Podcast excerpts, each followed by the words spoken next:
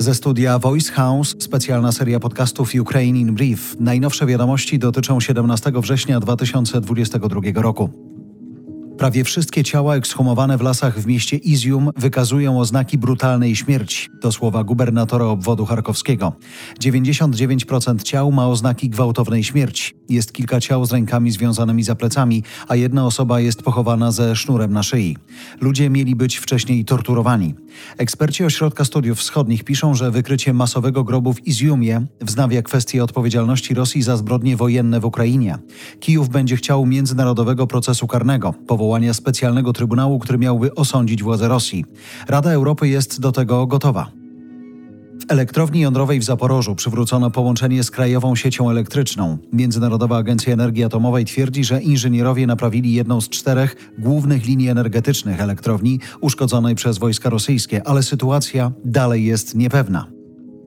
Niemcy dzielą cierpienie milionów Ukraińców i będą pomagać tyle czasu, ile będzie trzeba, obiecuje prezydent Steinmeier na spotkaniu z szefem Rady Najwyższej Ukrainy. Niemiecka pomoc, jak obiecał prezydent, nie ma terminów mimo trudności ekonomicznych Berlina. Kanclerz Scholz mówił z kolei o dostawie czołgów dla Ukrainy. Nie zrobimy tego sami. To jego odpowiedź na żądania Ukrainy, ale także niemieckich polityków z CDU, CSU i rządzącej koalicji SPD, Zielonych i FDP. Chodzi o czołgi Leopard. 87% Ukraińców dalej sprzeciwia się jakimkolwiek ustępstwom terytorialnym wobec Rosji. Tylko 8% uważa, że dla zapewnienia pokoju i zachowania niepodległości można zrezygnować z niektórych terytoriów. Nawet wśród mieszkańców wschodniej Ukrainy objętej najcięższymi walkami 85% ludzi jest przeciwnych ustępstwom. W swoim raporcie Ośrodek Studiów Wschodnich zwraca uwagę, że takie wyniki następują po prawie 7 miesiącach wojny, mimo zmęczenia, zubożenia oraz perspektyw trudnej zimy. Mało tego, z raportu wynika, że nieugiętość obywateli Ukrainy się nawet nieznacznie umacnia.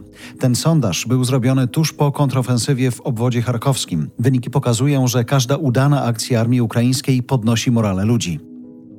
Od początku wojny z Ukrainy do Polski wyjechało 6 milionów 300 tysięcy ludzi. Z Polski na Ukrainę wróciło 4 miliony 560 tysięcy osób. To najnowsze dane Polskiej Straży Granicznej.